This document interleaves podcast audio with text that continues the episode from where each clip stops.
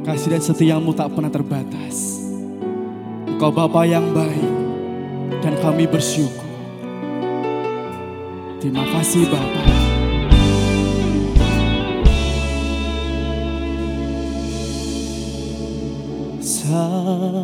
Musim berlalu Namun kau selalu peliharaku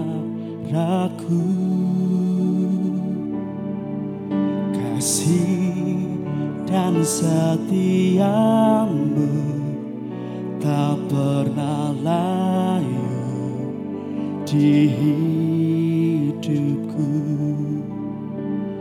Lebih luas dari samudra kebaikanmu Bapa takkan habis di hidupku lebih tinggi dari cakrawala. Tak terbatas kasihmu. Sungguh ku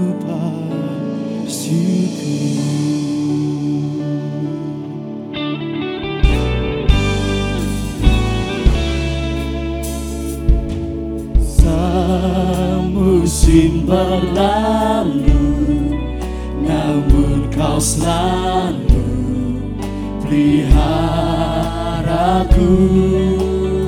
Kasih dan setiamu Tak pernah layu di hidupku.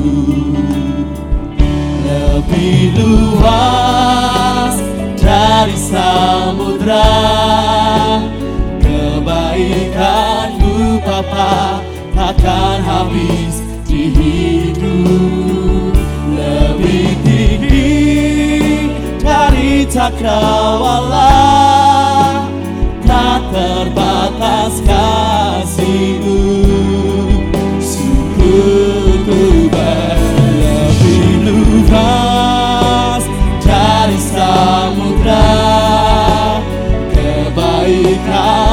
Bapa takkan habis di hidupku Lebih tinggi dari cakrawala Tak terbatas kasihmu.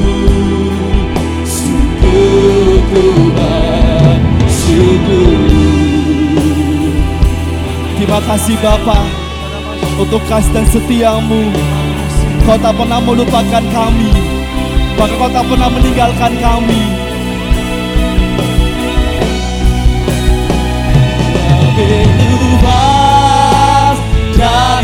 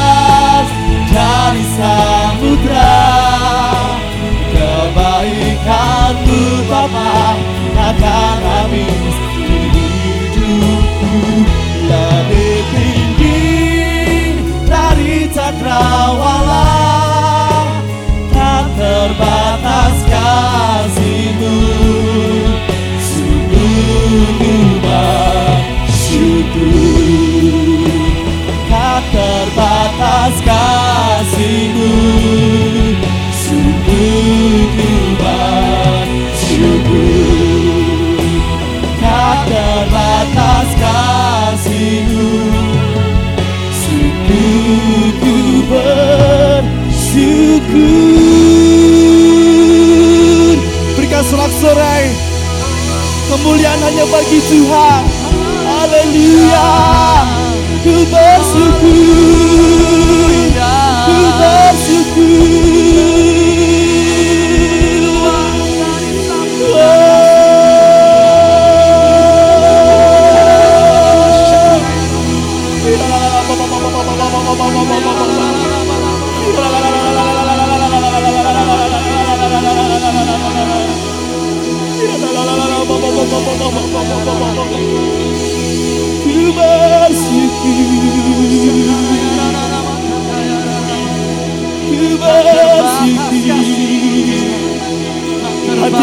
melimpahkan ucapan syukur.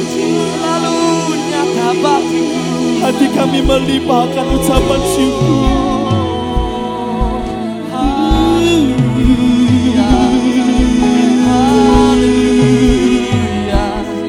Terima kasih Tuhan.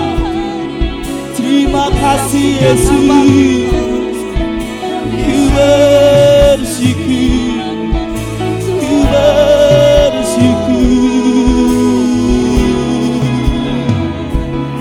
atas kasih dan setiamu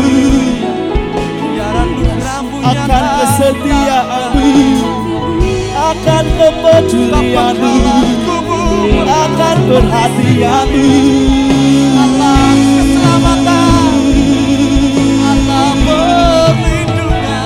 oh, oh, oh.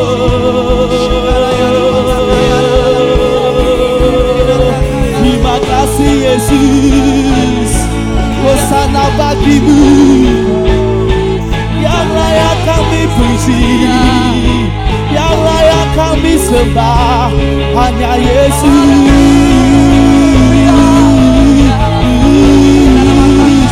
la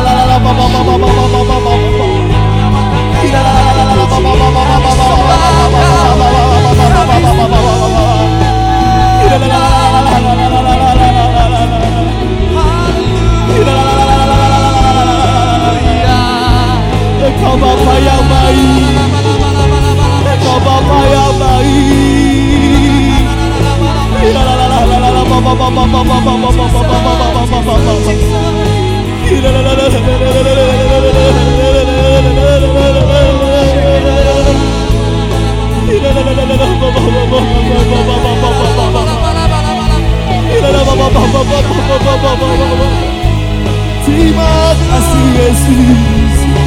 Terima kasih Yesus Terima kasih Yesus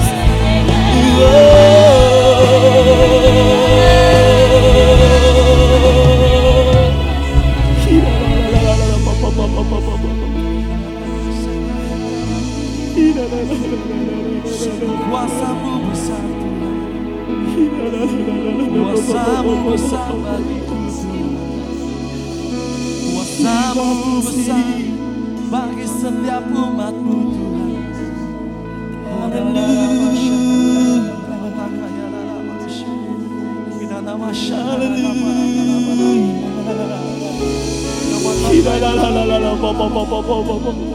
Kami percaya, kami percaya Tuhan selalu ada Sătea manca Ora la mama șa Prima cansi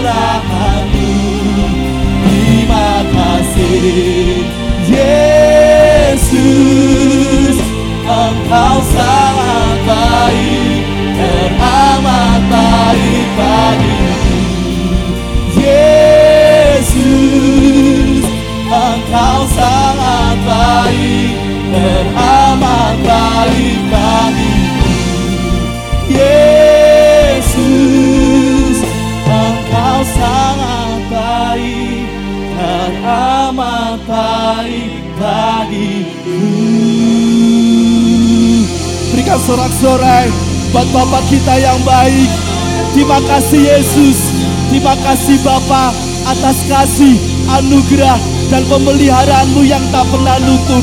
Dan kami percaya bahwa engkau tak pernah lalai untuk menepati setiap janji-janjimu. Terima kasih Yesus yang percaya kita berkata bersama-sama. Amin. Berikan selesai kembali bagi Tuhan kita. Haleluya. Kemuliaan bagi Tuhan kita yang dahsyat. Amin. Yes. Kita percaya bahwa Allah kita Allah yang benar. Allah yang selalu ada bersama kita. Menjadi kekuatan bagi setiap kita. Amin. Mari bersuka cita sama-sama.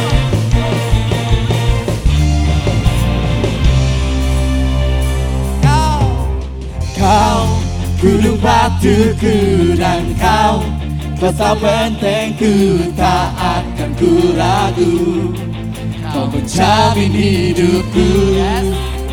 Kau keselamatanku dan kau Yang membelaku tak akan ku takut.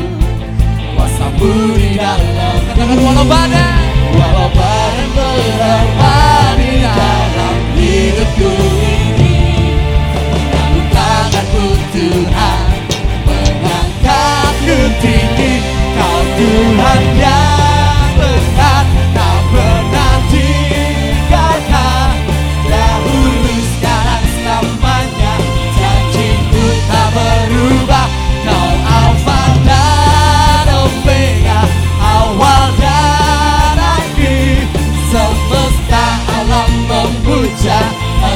Tuhan yang Saya benar Tuhan kita benar bersama-sama tepuk tangan bagi Tuhan kita. Ya. Haleluya.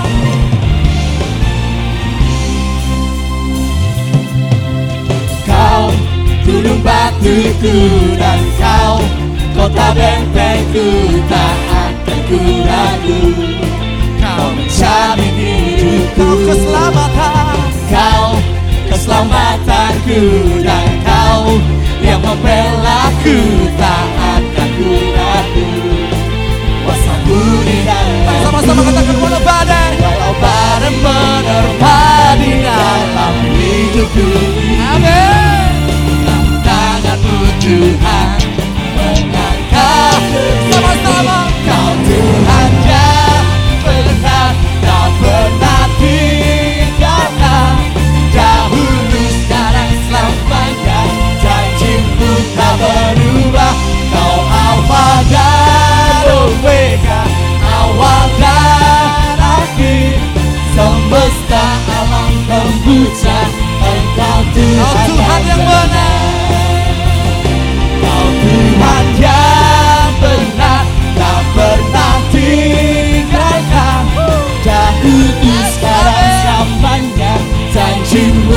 berubah Kau Alfa dan Omega Awal dan akhir Semesta alam memuja Engkau Tuhan yang benar Amin. Janji Tuhan tidak akan pernah pergi dari setiap umatnya. Amin. Amin. Sebab Allah kita Allah yang benar,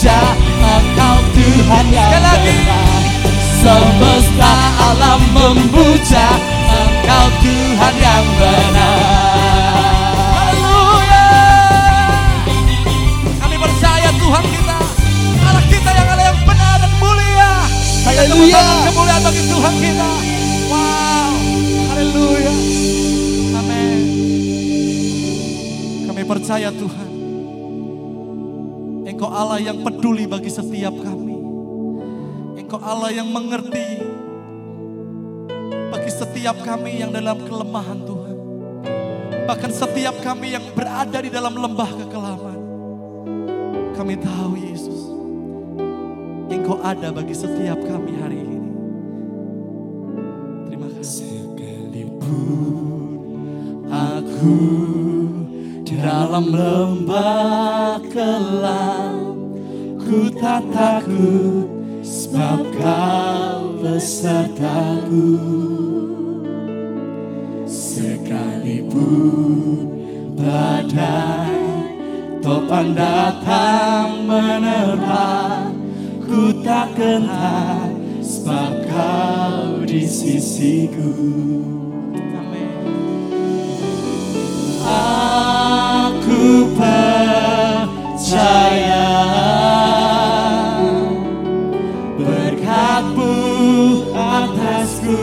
melimpah kebajikan kemurahan selalu mengikutiku ku puji ku sembah kau Tuhan Terima kasih Tuhan. Sama-sama. Sekalipun aku dalam lembah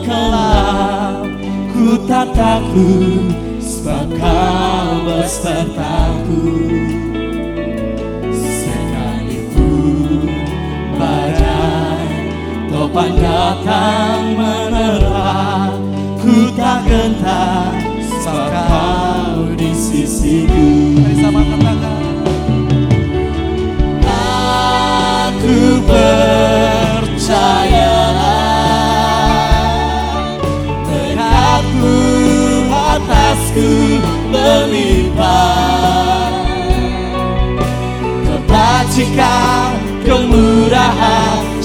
selalu mengikutiku Ku puji, ku sembah Bersama-sama yang di rumah bersama-sama nyanyikan. Aku percaya Berkatmu atasku melimpah Kebajikan, kemurahan Selalu mengikutiku Ku puji, ku sembah Bersama-sama lebih sungguh lagi angkat tangan bersama-sama. Aku percaya Kami percaya berkatmu atas kami melimpah. Kebajikan, kebajikan, kemurahan selalu lebih lagi, lebih lagi bagi Tuhan kita. Untuk percaya. Aku percaya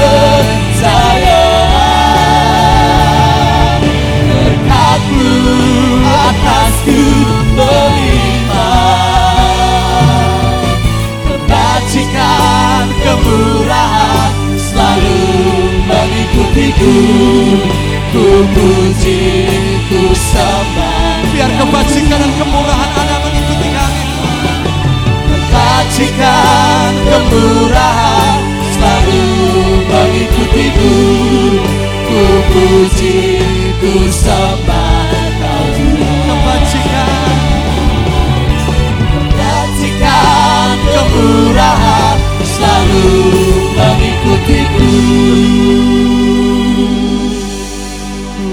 puji ku sembah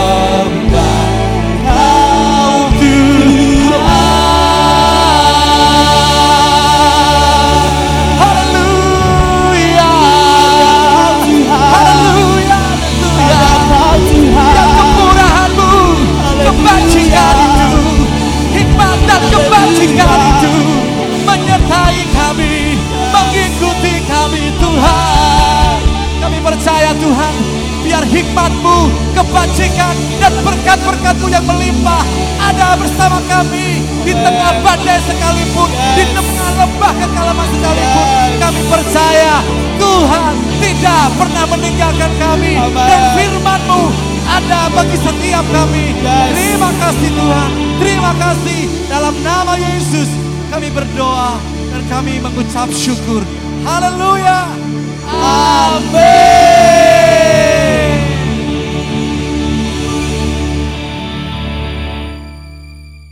Terima kasih buat teman-teman pemain musik dan juga WL dan singer sudah melayani kita.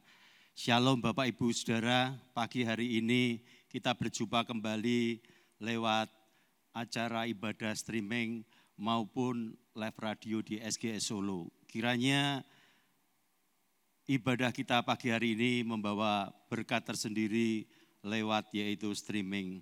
Tetap di rumah, tetapi Tuhan akan hadir di rumah Anda sekalian. Kita akan membahas dalam bulan ini kita akan membahas dengan tema tetap bertahan. Saya mengambil dalam Injil Lukas pasal 21 ayat 19.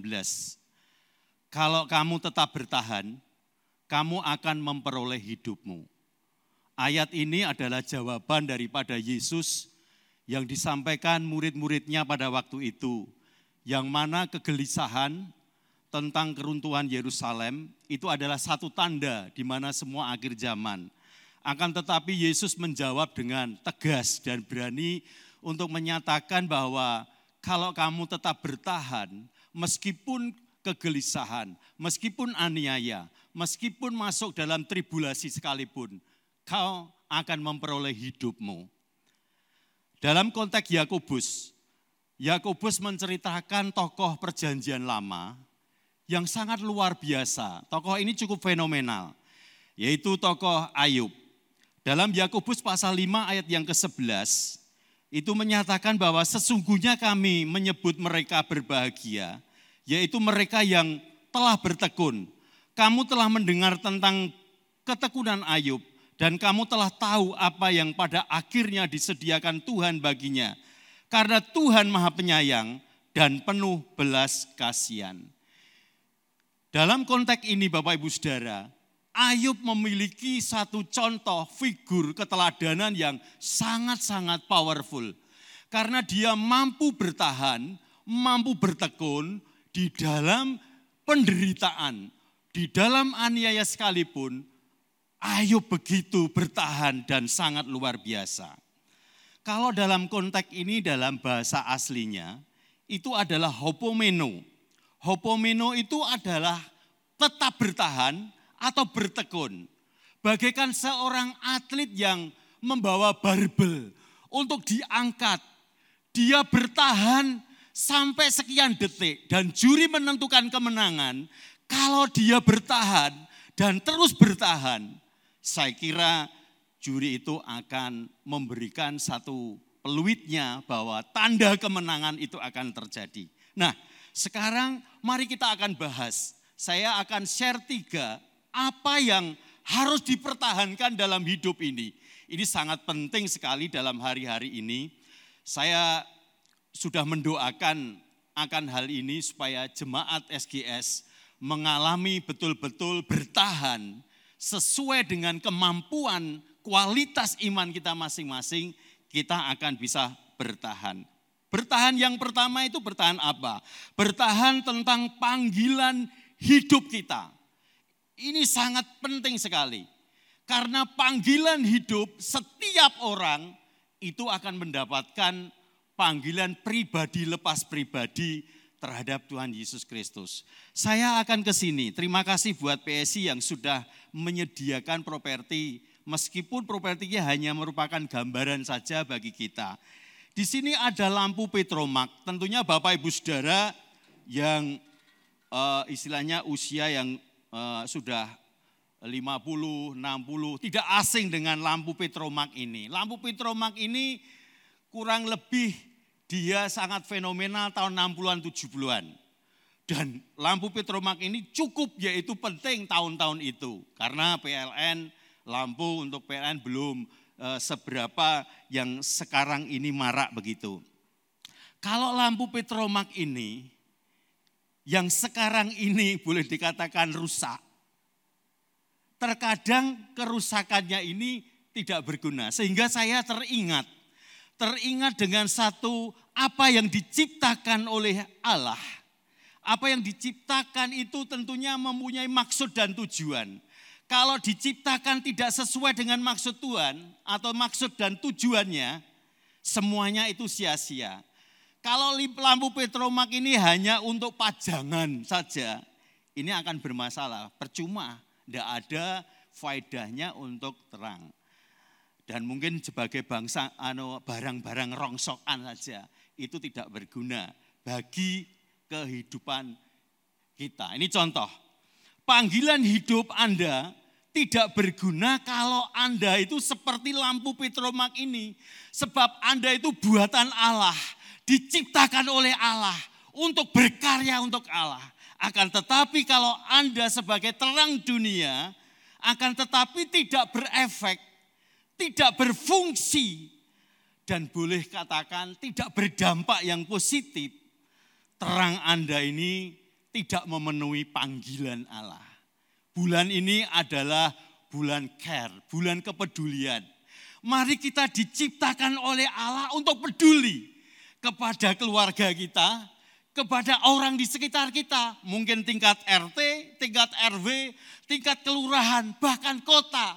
Dan kalau lebih seluruh ujung bumi, mari kita akan berdampak agar kita menjadi ciptaan Tuhan yang berguna bagi kemuliaan bagi namanya.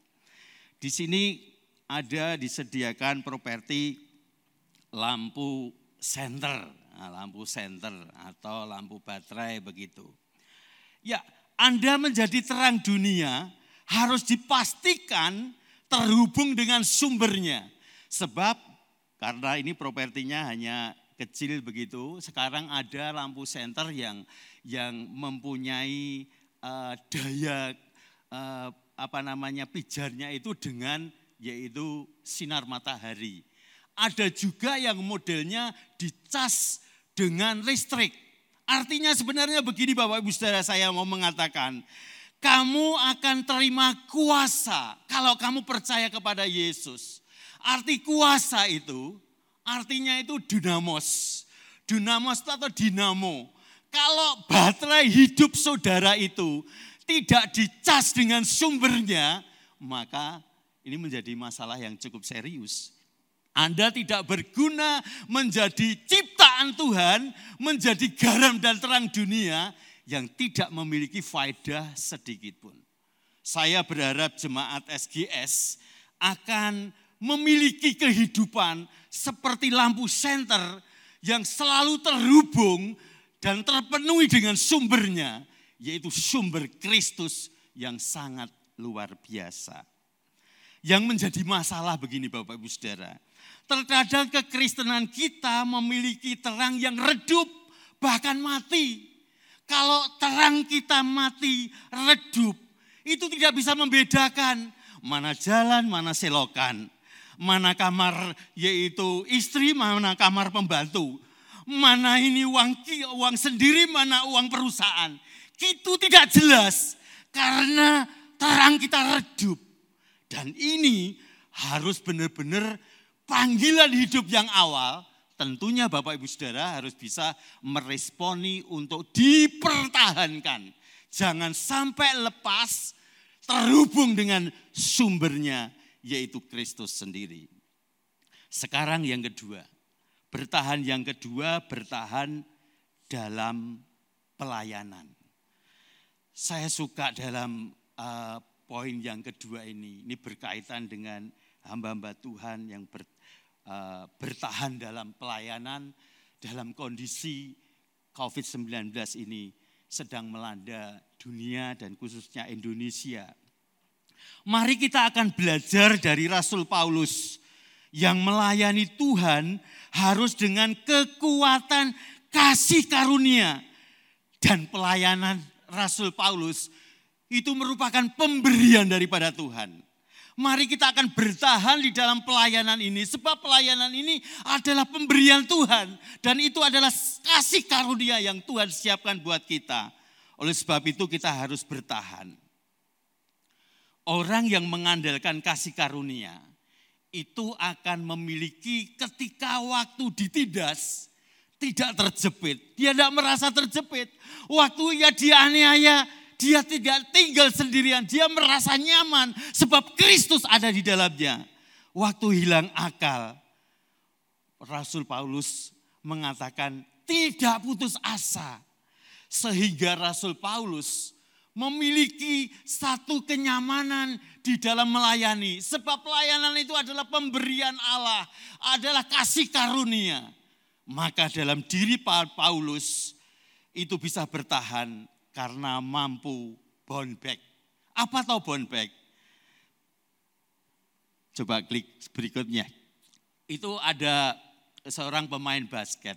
Bound back itu kalau basket itu sering main namanya apa dribble. Nah, kalau saya tidak bisa perutnya gini untuk main basket. Tapi saya mau mengartikan bound back itu adalah ketika bola itu dilempar ke bawah, maka dia akan memantulkan. Nah, di dalam yaitu bondback ini harus dimiliki setiap pelayan-pelayan Tuhan. Walker, volunteer, pelayan-pelayan Tuhan, hamba Tuhan. Ketika diperhadapkan sedemikian yaitu aniaya, yaitu kondisi yang betul-betul tidak nyaman, mari kita akan bisa bound back. Bisa memantulkan sesuatu yang bernilai, sesuatu yang berarti bagi kehidupan orang-orang di sekitar kita. Jangan sampai kita sebagai pelayan Tuhan malah justru dalam kondisi yang sedemikian parahnya pandemi COVID-19 ini justru kita mundur, kita tidak bisa bertahan. Gambaran back adalah waktu ketika kita difitnah, kita bisa back tersenyum, munculkan senyum ketika engkau difitnah. Waktu engkau digosipkan, masih bisa memuji Tuhan. Haleluya. Tuhan, ampuni mereka sebab mereka menggosipkan aku dan lain sebagainya. Waktu kita dipersulit, masih bisa menyanyikan dan memuji Tuhan. Haleluya. Dan menyembah Tuhan. Waktu kekurangan pun dalam kondisi sekarang ini kita harus bersyukur Waktu kita diperlakukan tidak adil, mari kita akan mengasihi mereka. Itu merupakan bond back yang harus dimiliki setiap pelayan-pelayan hamba-hamba Tuhan. Saya mengingatkan volunteer, pelayan Tuhan, jangan sampai kita terjepit dan kondisi yang sedemikian ini justru kita tidak bisa memantulkan pertahanan kita karena pertahanan kita sangat perlu yang harus dimiliki pelayan Tuhan di dunia yang penuh tantangan dan risiko sekarang ini. Terkadang saudara ketika masuk pelayanan, saudara menjadi target kuasa kegelapan. Kuasa kegelapan sudah mengintip agar engkau jatuh. Bagaimana kita bisa bertahan untuk hal ini? Kadang saudara memberitakan kebenaran sudah menjadi satu ancaman bagi kejahatan yang ada di luar. Saudara kalau sebagai pelayan Tuhan harus bisa menempatkan bound back di tempat ini. Harus bisa memantulkan apa yang di hadapan kita. Kita harus bertahan. Pahamilah bahwa pelayanan saudara itu adalah kasih karunia atau pemberian dari Tuhan. Jangan sampai luput bahwa apa yang kita layani, apa yang menjadi pelayanan ini, semua milik Tuhan. Dan semua ini adalah Tuhan yang punya. Sehingga Bapak Ibu Saudara jangan sampai dalam kondisi sekarang ini justru kita termakan dengan situasi dan kondisi. Sekarang poin yang ketiga Bapak Ibu Saudara. Poin yang ketiga, poin pertama bertahan panggilan hidup. Kedua bertahan dalam pelayanan. Yang ketiga bertahan dalam pandemi COVID-19 sekarang ini. Tidak dipungkiri acara ibadah di rumah kurang lebih hampir satu setengah bulan, bahkan satu setengah bulan kita sudah memasuki. Dan itu suatu hal yang luar biasa. Dan saya berharap teman-teman hamba-hamba Tuhan yang di kota bisa memfasilitasi untuk bisa dijangkau oleh teman-teman pendeta yang ada di desa. Sebab di desa tentunya tidak uh, selengkap daripada gereja-gereja yang ada di kota. Cukup fasilitasnya sangat minim sekali sehingga tidak bisa streaming. Dan yang jelas jemaatnya tentunya tidak punya aplikasi dan lain sebagainya, tidak punya Android dan lain sebagainya. Tetapi yang di kota ini sudah gereja-gereja serentak untuk yaitu memberikan supportnya dalam bertahan dalam pandemi COVID-19 ini benar-benar yang harus disingkapi. Saya teringat dengan Rasul Petrus. Mari kita akan baca di dalam satu Petrus yaitu pasalnya yang pertama ayat yang keenam. Bergembiralah akan hal itu. Sekalipun sekarang ini kamu seketika harus berduka cita oleh berbagai-bagai pencobaan. Ayat ini ketika saya merenungkan, saya juga tidak habis pikir. Kenapa Rasul Petrus yaitu mendeskripsikan ayat ini yaitu di ayat 6 mengenai yaitu ketika engkau masuk dalam berbagai macam pencobaan Rasul Paulus memunculkan bergembiralah ini sesuatu yang terkadang sulit ya untuk bisa dimengerti. Akan tetapi justru inilah kondisi yang sekarang ini kita sebagai orang Kristen, kalau kita ini buatan Allah, kalau kita ini diciptakan oleh Allah, kita harus berimpact, berdampak, mempunyai efek yang positif bagi seorang orang di sekitar kita. Maka di situlah muncul sukacita yang besar, bergembira dengan luar biasa.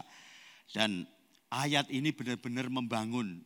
Saya sebagai hamba Tuhan terbangun ketika membaca ayat ini dan saya sangat mensupport. Ternyata perlu sekali dalam kondisi yang sekarang ini kita harus bersuka cita senada yang disampaikan juga Yakobus pasal 1 ayat 2. Sama, yaitu beda cara bacaannya tetapi intinya hampir sama. Saudara-saudaraku, anggaplah sebagai suatu kebahagiaan apabila kamu jatuh ke dalam berbagai-bagai macam pencobaan. Ini sesuatu yang sangat powerful sekali.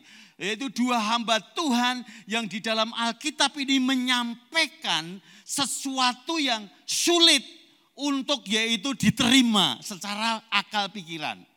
Karena dalam kondisi penderitaan aniaya yang seperti ini, kita disuruh bergembira. Sangat sulit Bapak Ibu Saudara. Konteks Rasul Petrus, jemaatnya itu adalah jemaat pengungsian. Jemaat diaspora tersebar baik itu di Pontus, di Kapodekia, di Bitinia, dan di Asia kecil. Dan mereka tersebar. Dan kondisi orang-orang jemaat Rasul Petrus benar-benar istilahnya banyak tekanan, bayar pajak harus tiga kali lipat, nyawanya terancam karena iman, hidup di pengungsian, minta begel belas kasihan kepada orang lain itu uh, diremehkan dan lain sebagainya. Dan kondisi sekarang ini di kota kita, di Indonesia, di seluruh dunia, kondisinya sedang COVID-19. Kondisi yang seperti ini bagaimana kita minta pertolongan pada orang lain, orang lain saja banyak membutuhkan. Tetapi ini ajaran Rasul Petrus yang cukup ambil risiko.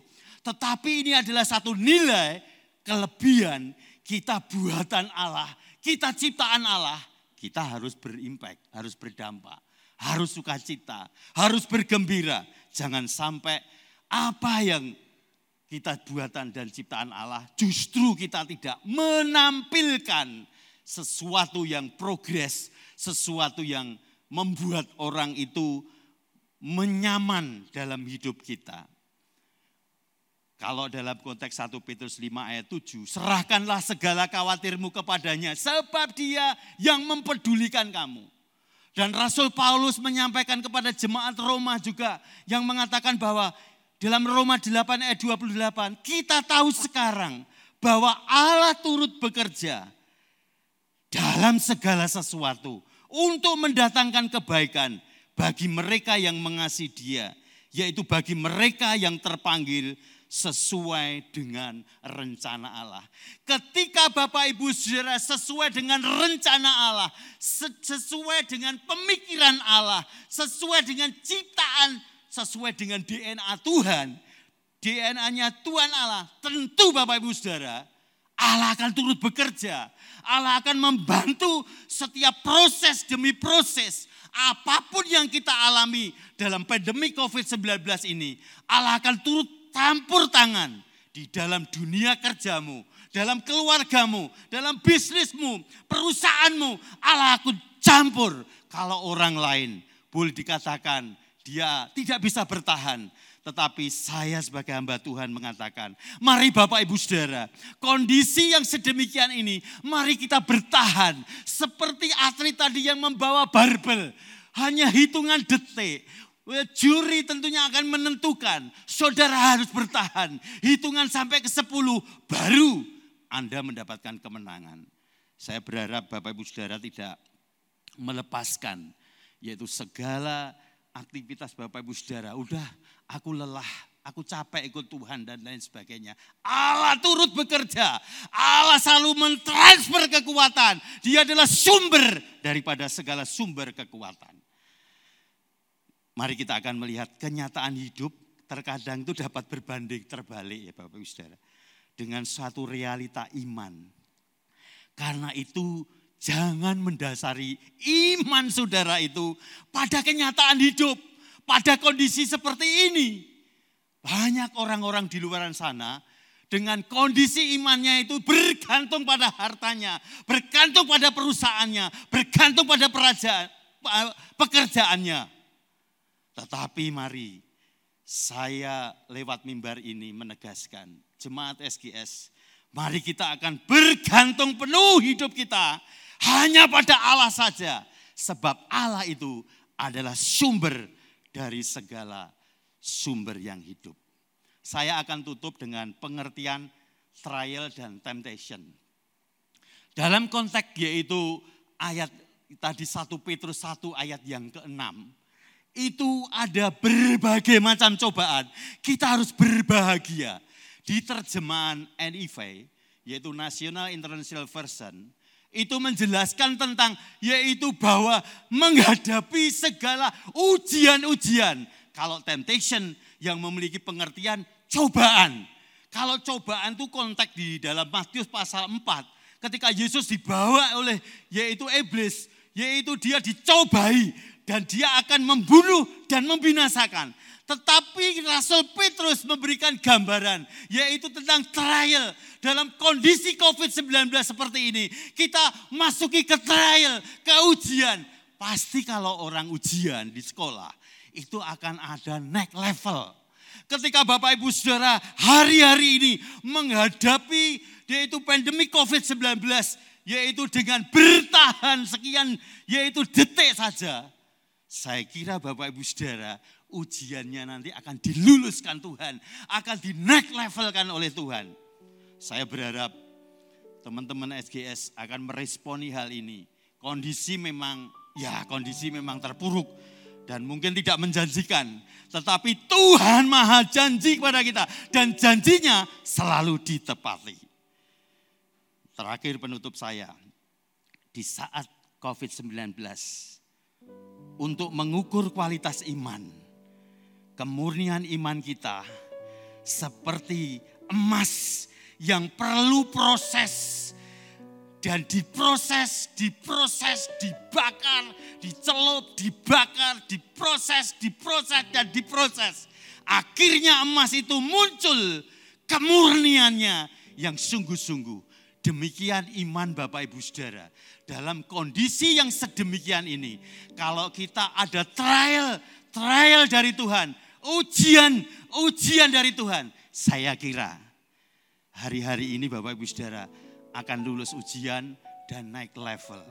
Memang sama-sama kena dampak pandemi COVID-19. Tetapi bahagia anak Tuhan, kita ini bergembira dengan kondisi yang seperti ini. Kita akan dinaikkan level kita oleh kemuliaan Bapa di surga. Karena kemurnian imanmu itu sungguh amat nampak dalam hidup Bapak Ibu Saudara. Tuhan Yesus memberkati. Mari kita akan pujikan pujian. Engkaulah perisaiku. Pujian ini mengingatkan kepada saya bahwa memang Tuhan adalah satu-satunya perisai dan penolong dalam hidup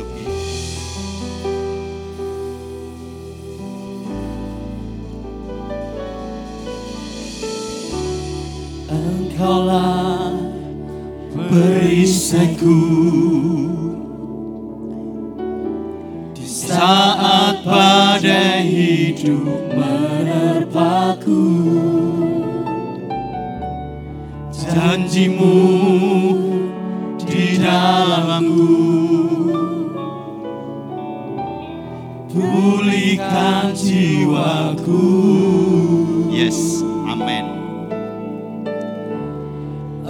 Engkaulah perisaiku. Di saat badai hidup menerpaku Firmanmu di dalamku. Tenangkan jiwaku. Ku Kami ajak jemaat yang di rumah, kita bangkit berdiri. Perkatakan ini bahwa dengan kekuatan yang kau berikan akan mampu bertahan di setiap tantangan-tantangan hidup. Masalah panggilan hidupmu, masalah pelayananmu, masalah kondisi yang sekarang sedang berlaku. Oh, amin. Amin. Bertahan di dalam tekanan. Dengan kekuatan yang kau berikan sampai kapan pun tak tergoyahkan? Karena Yesus selalu menopang berdiri di tengah badai. Ombak sekalipun tetap bukan bersamamu Yes. di tengah badai dengan kekuatan yang kau berikan sampai kapan pun ku kan bertahan karena Yesus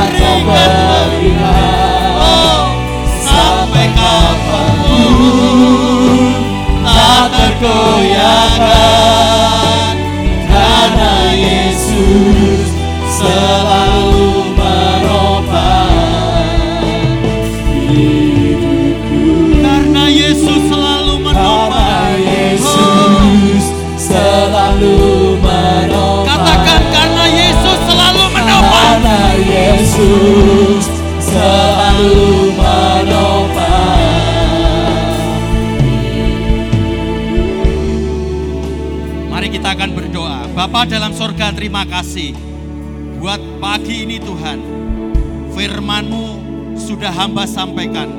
Kiranya menjadi satu berkat tersendiri buat jemaatmu yang ada di rumah masing-masing. Kami akan menghidupi Tuhan firmanmu hari ini. Kami akan bertahan terus di dalam panggilan hidup kami. Di dalam setiap pelayanan kami. Di dalam kondisi yang sekarang ini sedang berlangsung. Secara pemikiran, secara ekonomi tidak masuk di akal. Tetapi kami disuruh bergembira, bersuka cita.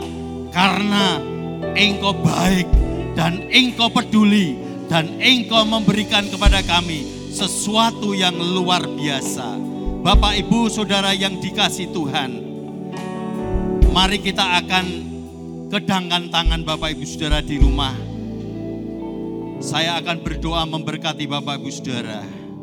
Bapak Ibu Saudara yang dikasih Tuhan, Tuhan engkau melihat jemaatmu yang ada di rumah-rumah saat ini, yang sedang mengikuti ibadah streaming.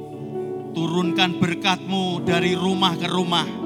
Kiranya berkat Tuhan selalu mengalir.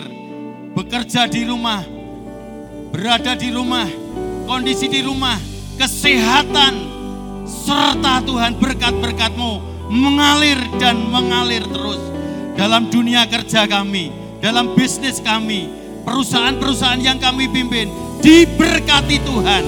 Oleh karena itu Bapak Ibu Tuhan memberkati engkau dan melindungi engkau. Tuhan menyinari engkau dengan wajahnya dan memberi engkau kasih karunia. Tuhan menghadapkan wajahnya kepadamu dan memberikan engkau damai sejahtera. Amin. Terima kasih Bapak Ibu Saudara telah mengikuti ibadah streaming pada pagi hari ini. Tuhan memberkati. Amin.